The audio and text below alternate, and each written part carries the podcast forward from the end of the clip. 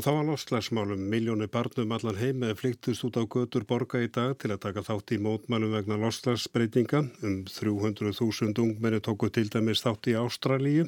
Fyrirmyndin eins og alþægt er er skólaskrópi Gretu Thunberg sem tók sér stöðu við sænska þingúsið förstu dag 1. í ágúst í fyrra og nær alla förstu dag að þanga til frá. Sýtis gengur bæði fullornur og börna saman frá Hallgrímskirkju niður á Östurvöll og þar er Magnús Geir Eyjálsson fréttamaður. Kontur sæl, já, hvað er að gerast núna? Uh, akkurat þessa stundina er Sævar Helgi Bragarsson stjórnufræðingur að flytja ræðum. Uh, það eru hérna samankomin ja, nokkur hundru manns niður á Östurvelli. Uh, þegar mest létt um það leiti sem gangan var að koma frá Hallgrímskirkju og niður á Östurvöll, þá voru hérna rúmlega þúsund manns hefur örlítið fækkaði hóflum en samt sem maður það eru á að giska nokkur hundru manns og hafa hlýtt á ræður dagskráðan hós klukkan 5 þegar gangalaða stað og svo klukkan halv 6 uh, byrjaði dagskráðan hérna upp á sviði og þar hafa verið já, ræður og tónlistaratriði í bland. Um, meðal þeirra sem hafa fluttræður er Hildur Knúsdóttir Daði Víðursson, Freirik Dór fluttilög og Kári Stefansson, fórstjóri Íslenskar erðegreiningar, held einni ræði og skoitt þar fast á stjórnmálamenn og nafngrendi það meðal annars Donald Trump og Sigmund Davíð Gunnlaugsson.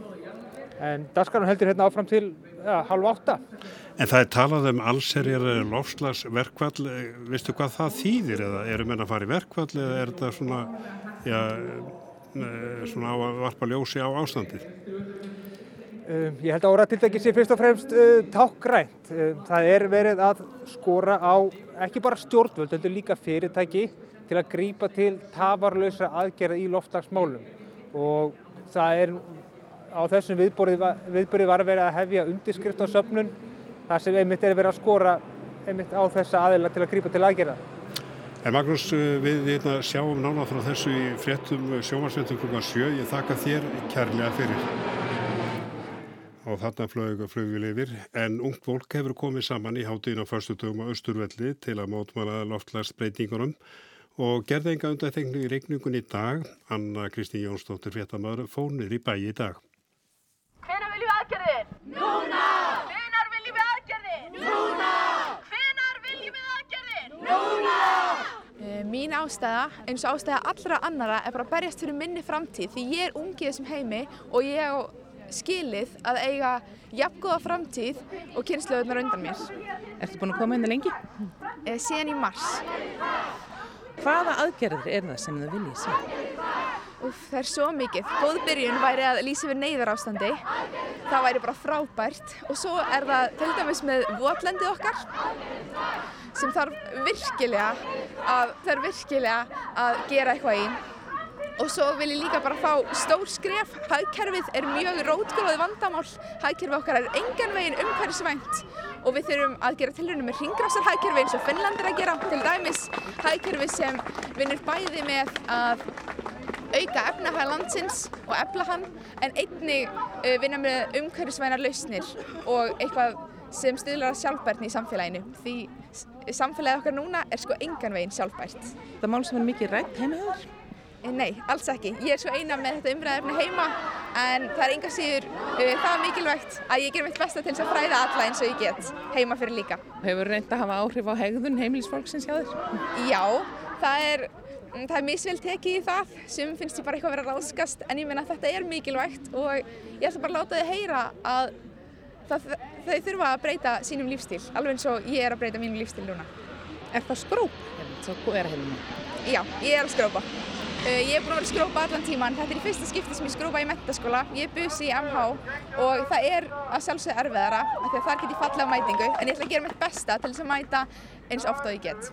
Þetta, þetta er mikil hreyfing sem hefur sig hérna bara síðastliðin, síðastliðin misseri og núna tala um að séu miljónir ung, ung, ungmenn út um allan heim sem er að taka þennan dag í dag. Heldur það að verði hlustað? Ég vona það svo innilega en Eh, væntingar mínar er ekki miklar. En eitt sem ég skil ekki, ég er að sjá samfræðingar sem er að segja mér að það sé mikið að gera hjá þeim út af loftslæskvíða. En á sama tíma og mér finnst það mjög leiðilegt, þá skil ég ekki af hverju eru alþengismenn ekki nýr, af hverju eru alþengismenn ekki með eitt stort stresskast núna, af hverju eru þeir ekki að láta uh, mikið að gera hjá samfræðingum því að vilja þeir í alvörunni láta muna eftir sér sem þingmenninni sem gerðu ekki neitt. Ég á ekki að vera hrætt. Á hverju er fólk eftir að gera eitthvað stórt?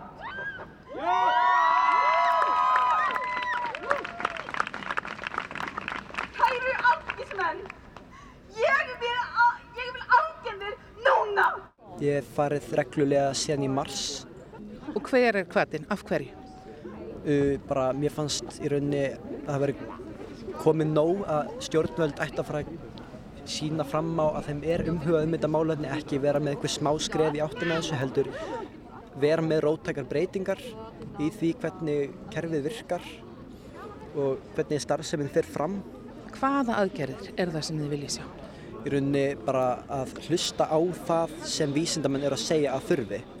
Við ætlum ekki að halda það fram að við höfum neina lausnir en hins vegar eru vísindamenn með lausnir sem að þurfti að hlusta á. Hefur þú sjálfur breytt einhverju í, í þinni hegðan? Ég, ég borða minna kjöt, ég er minna að kaupa mig nýfött og reyni að fara á fatamarkaði og þannig. Þannig svona draga almennt úr neysli? Já, ég held að það, það er rauninni bara það sem margir geta gert, það er ekki það mikið sem það þarf að gera. Er þetta eitthvað sem er rætt mikið heima hjá þér og hefur fjölskyldaðin breytt einhverju? Sko fjölskyldan mín yfir heldina hefur ekki breytt miklu en fóreldrar mín stiðja mig í þessu þó svo að þau séu ekki mikið inn í þessu sjálf. Þannig að veist, það er skára en að fóreldrarnir séu að móti þessu. Þannig að... Ertu, verður þú hérna aftur næsta fyrstu dag? Ég bara veit það ekki.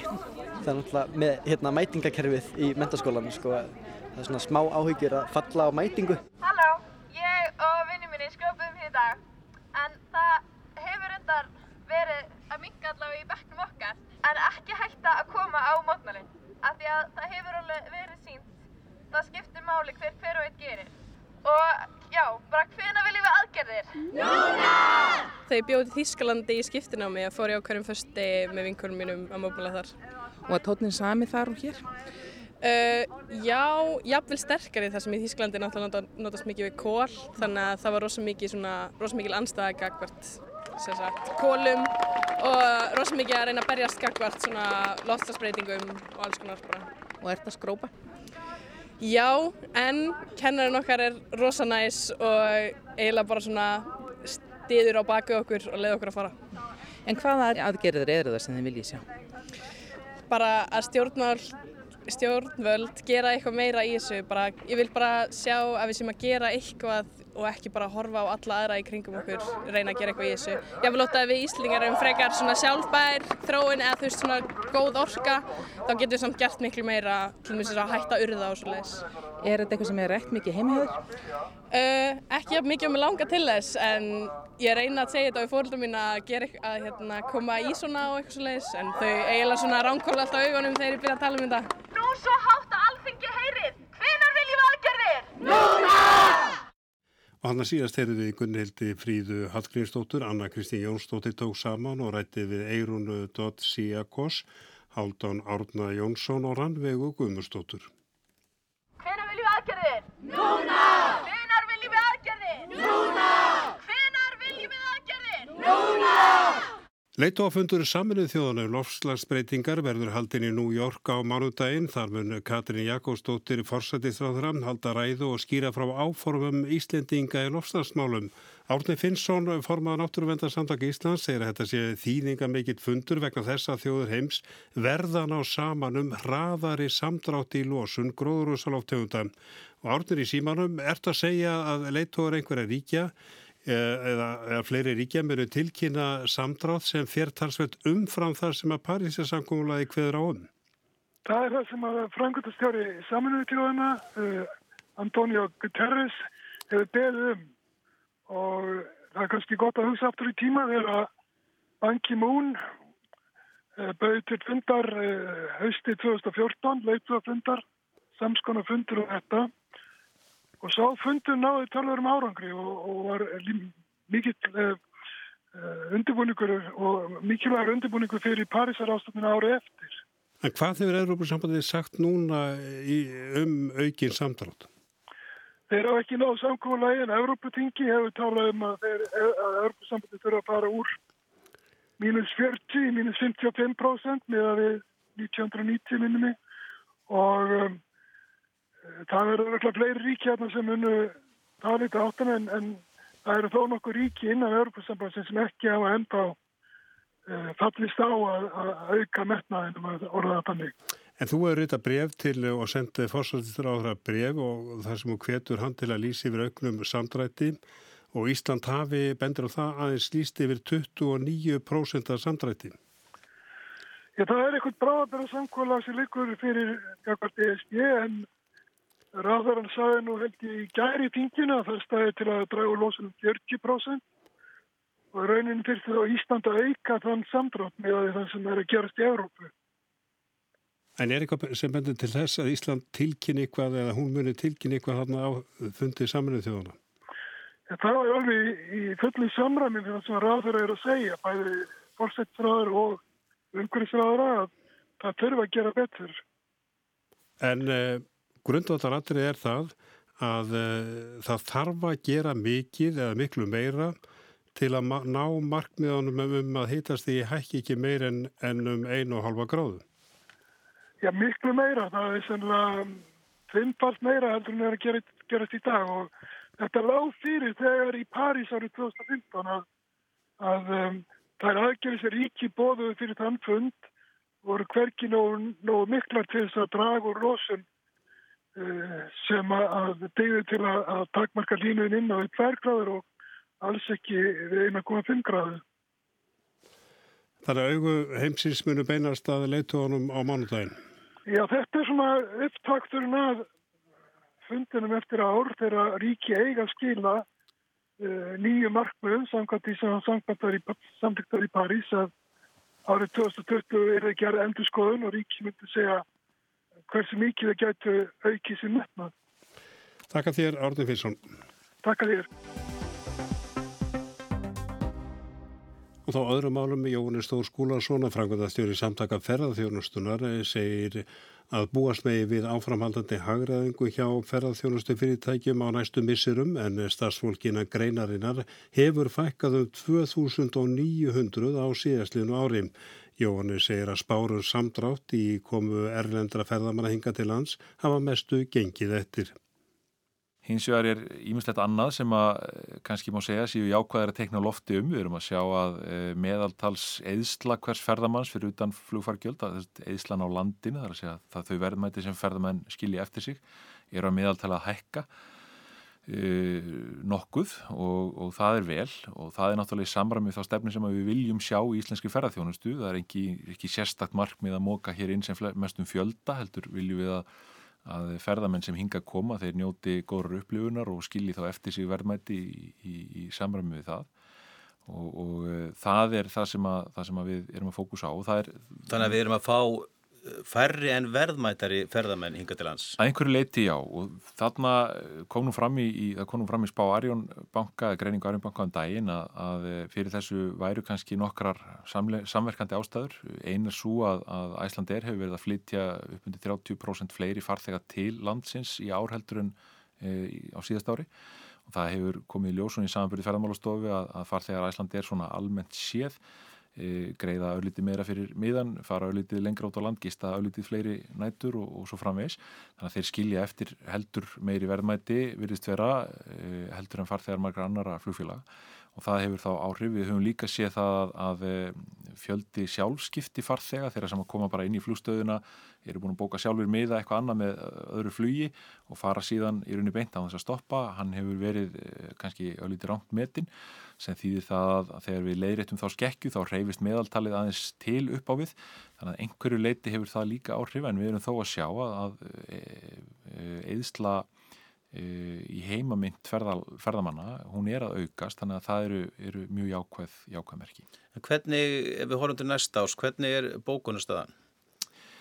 Við erum nú kannski fyrst og fremst núna að horfa fyrst inn í haustið, bókunastöðan þar virðist vera e, þokkaleg það fer aðeins eftir landslutum ef við horfum á það hvernig til dæmis gístináttartölunar er að koma út í, í sumar þá sjáum við það að gístinættur allstaðar um landið er að, er að aukast nema á höfuborgarsvæðinu og það má kannski segja að, að höfuborgarsvæðið er að sjá kannski erfiðari og floknari áhrif af þessum, þessum, þessari fækkun heldur en heldur en á, á, á landsbyðinni. En segir þetta okkur að, að þeir farþegar sem flugum með VÁ að þeir voru, það, voru svona farþegar sem komu hingað bara til þess að vera í Reykjavík yfir helgina? Ég held að einhverju marki getur við horta á kannski það að bandarækjumenn sem að komu gríðilega mikið með á en, en einni með öðrum flugfélögum fjölda þeirra er að fækka mest af þjóðverðnunum sem hinga að koma. Og það er hópur sem að hefbundi séð hefur stittra sumafrí stoppar þessuna stittra á staðanum og fer þá eðlilega stittra um landið. E, þegar að fækkar í þessum hópi að þá náttúrulega kannski eikst meðaltalið svona e, á hinnum sem að fara, fara þá lengra. Þannig að einhverju leiti þá erum við að sjá eins og, eins og ég sagði á þann lengri dvöl út á, út á landi og um landið og það er náttúrulega bara mjög góð þróun En eh, vitum við eitthvað um svona bókunastöðu fyrir næsta ár, næsta sumar? Það er mjög erfitt að segja til um það. Við getum kannski hortar fyrst og fremst á hvernig, hvernig eh, flugið lítur út fyrir næsta ár. Það er kannski ekki alveg komið í ljós nákvæmlega hvaða flugfélag verða að fljúa hingað og hvert eh, svona kapastíð verður í því. En fyrirtækin hafa verið að náttúrulega selja inn í næsta ár og ég hef ekki heyrt annað en að það gangi ágætlega. Eh, Kannun Íslandsstofu meðal eh, hérna, eh, ferðarsölu aðila Erlendis til Íslands. Hún gefur það til kynna að staðan sé betri fyrir næsta sumar heldur en fyrir þetta sumar hjá mörgum þeirra og á okkar svona líkilmörgum. Það er mjög ánægilegt að, að sjá það. En skoðum aðeins fjárfestingarnar. Það hafa náttúrulega verið miklar undarförnum árum og það er ennverið að byggja hótel í miðborg Reykjavíkur. Já, hvernig er staðan á þessu núna í dag? Staðan af fjárfestingum hefur undarfærin áverið þannig að þetta hafa verið um 70 miljardar sem hafa verið lagður í fjárfestingu í ferðarþjónustu árlega, kannski svona undarfærin fjögur ár, e, þá er flugið meðtalið. Þannig að, að það hefur verið gríðarleg fjárfestingi í þessari grein og við erum sjá það núna til og meins í hótelgeranum eru um held ég 600 herbergi á leiðin út á markaðin. Það hefur náttúrulega áhrif á frambóð og verlagningu. E, það sem að kannski við þurfum að horfa á helst inn í e, veturinn og inn í næsta sumar að það er sá kostnaður sem að e, fyrirtækinn þurfa að glíma við í sínu rekstri. Það er bæði launakostnaður, launategnd gjöld, alls konar fastegnagjöld og atvinnuhúsnæði og fleira sem tínamætti til sem að koma inn í rekstrakostnað fyrirtækja sem að er fyrst og fremst það sem að kreppir kannski skóin að núna inn í hösti í rekstri fyrirtækja og það eru raunverulegar ástæður fyrir uh, stjórnvöld til dæmis að horfa bæði, bæði ríki og sveitafjölu að, að horfa mjög stíftin í það hvort ekki er hægt að koma til mótsverð ekstur fyrirtækja á einhvern máta til þess að e, þessa kostnæðabyrði e, ekki bara kakvart ferðarþjónustu fyrirtækjum heldur kakvart er möllum. Þú talar um launakostnæð, það hefur náttúrulega sínt sig í tölum að störfum já, hefur fækka á þessum ári innan ferðarþjónustunar og þá er ekki bara að tala um þá sem mistu, störf, mistu vinnuna út af gjaldróti vá. E, Serðu fram á frekari hagraðingu? Ég sé fram á frekari hagraðingu greinni, við erum í hagraðingafasa sem að mun halda áfram og það sem að kannski hefur ekki farið einmitt mikið fyrir er að í, í allt sumar og, og það mun halda, svo þróun mun halda áfram inn í, inn í veturinn uh, e, núna, núna í næstu mánuði er að fyrirtæki ferðarþjónustu hafa verið að segja upp einum, tveimur, þremur, fjórum upp í feim starfsmönnum. E, og það er náttúrulega bara bein afleiðing af því að þau þurfa að hagraði í rekstrinu vegna mikilskostnaður og sérstaklega launakostnaðar. Og uh, þetta er mannafsfreg grein sem því að launakostnaður og ferðarþjónustu fyrirtækjum er mjög, er mjög hár og uh, þetta er þróun sem maður mun halda áfram og, og uh, það skiptir því tölverið máli að horfa á þetta samhengi þegar við skoðum það hvernig svona rekstrar aðstæður og uppbygging hverjarþjónusturinn á að fara fram á næsta árum. Þetta var Jóhannes Þór Skúlason og hörskuldur Gári Skram talaði við hann.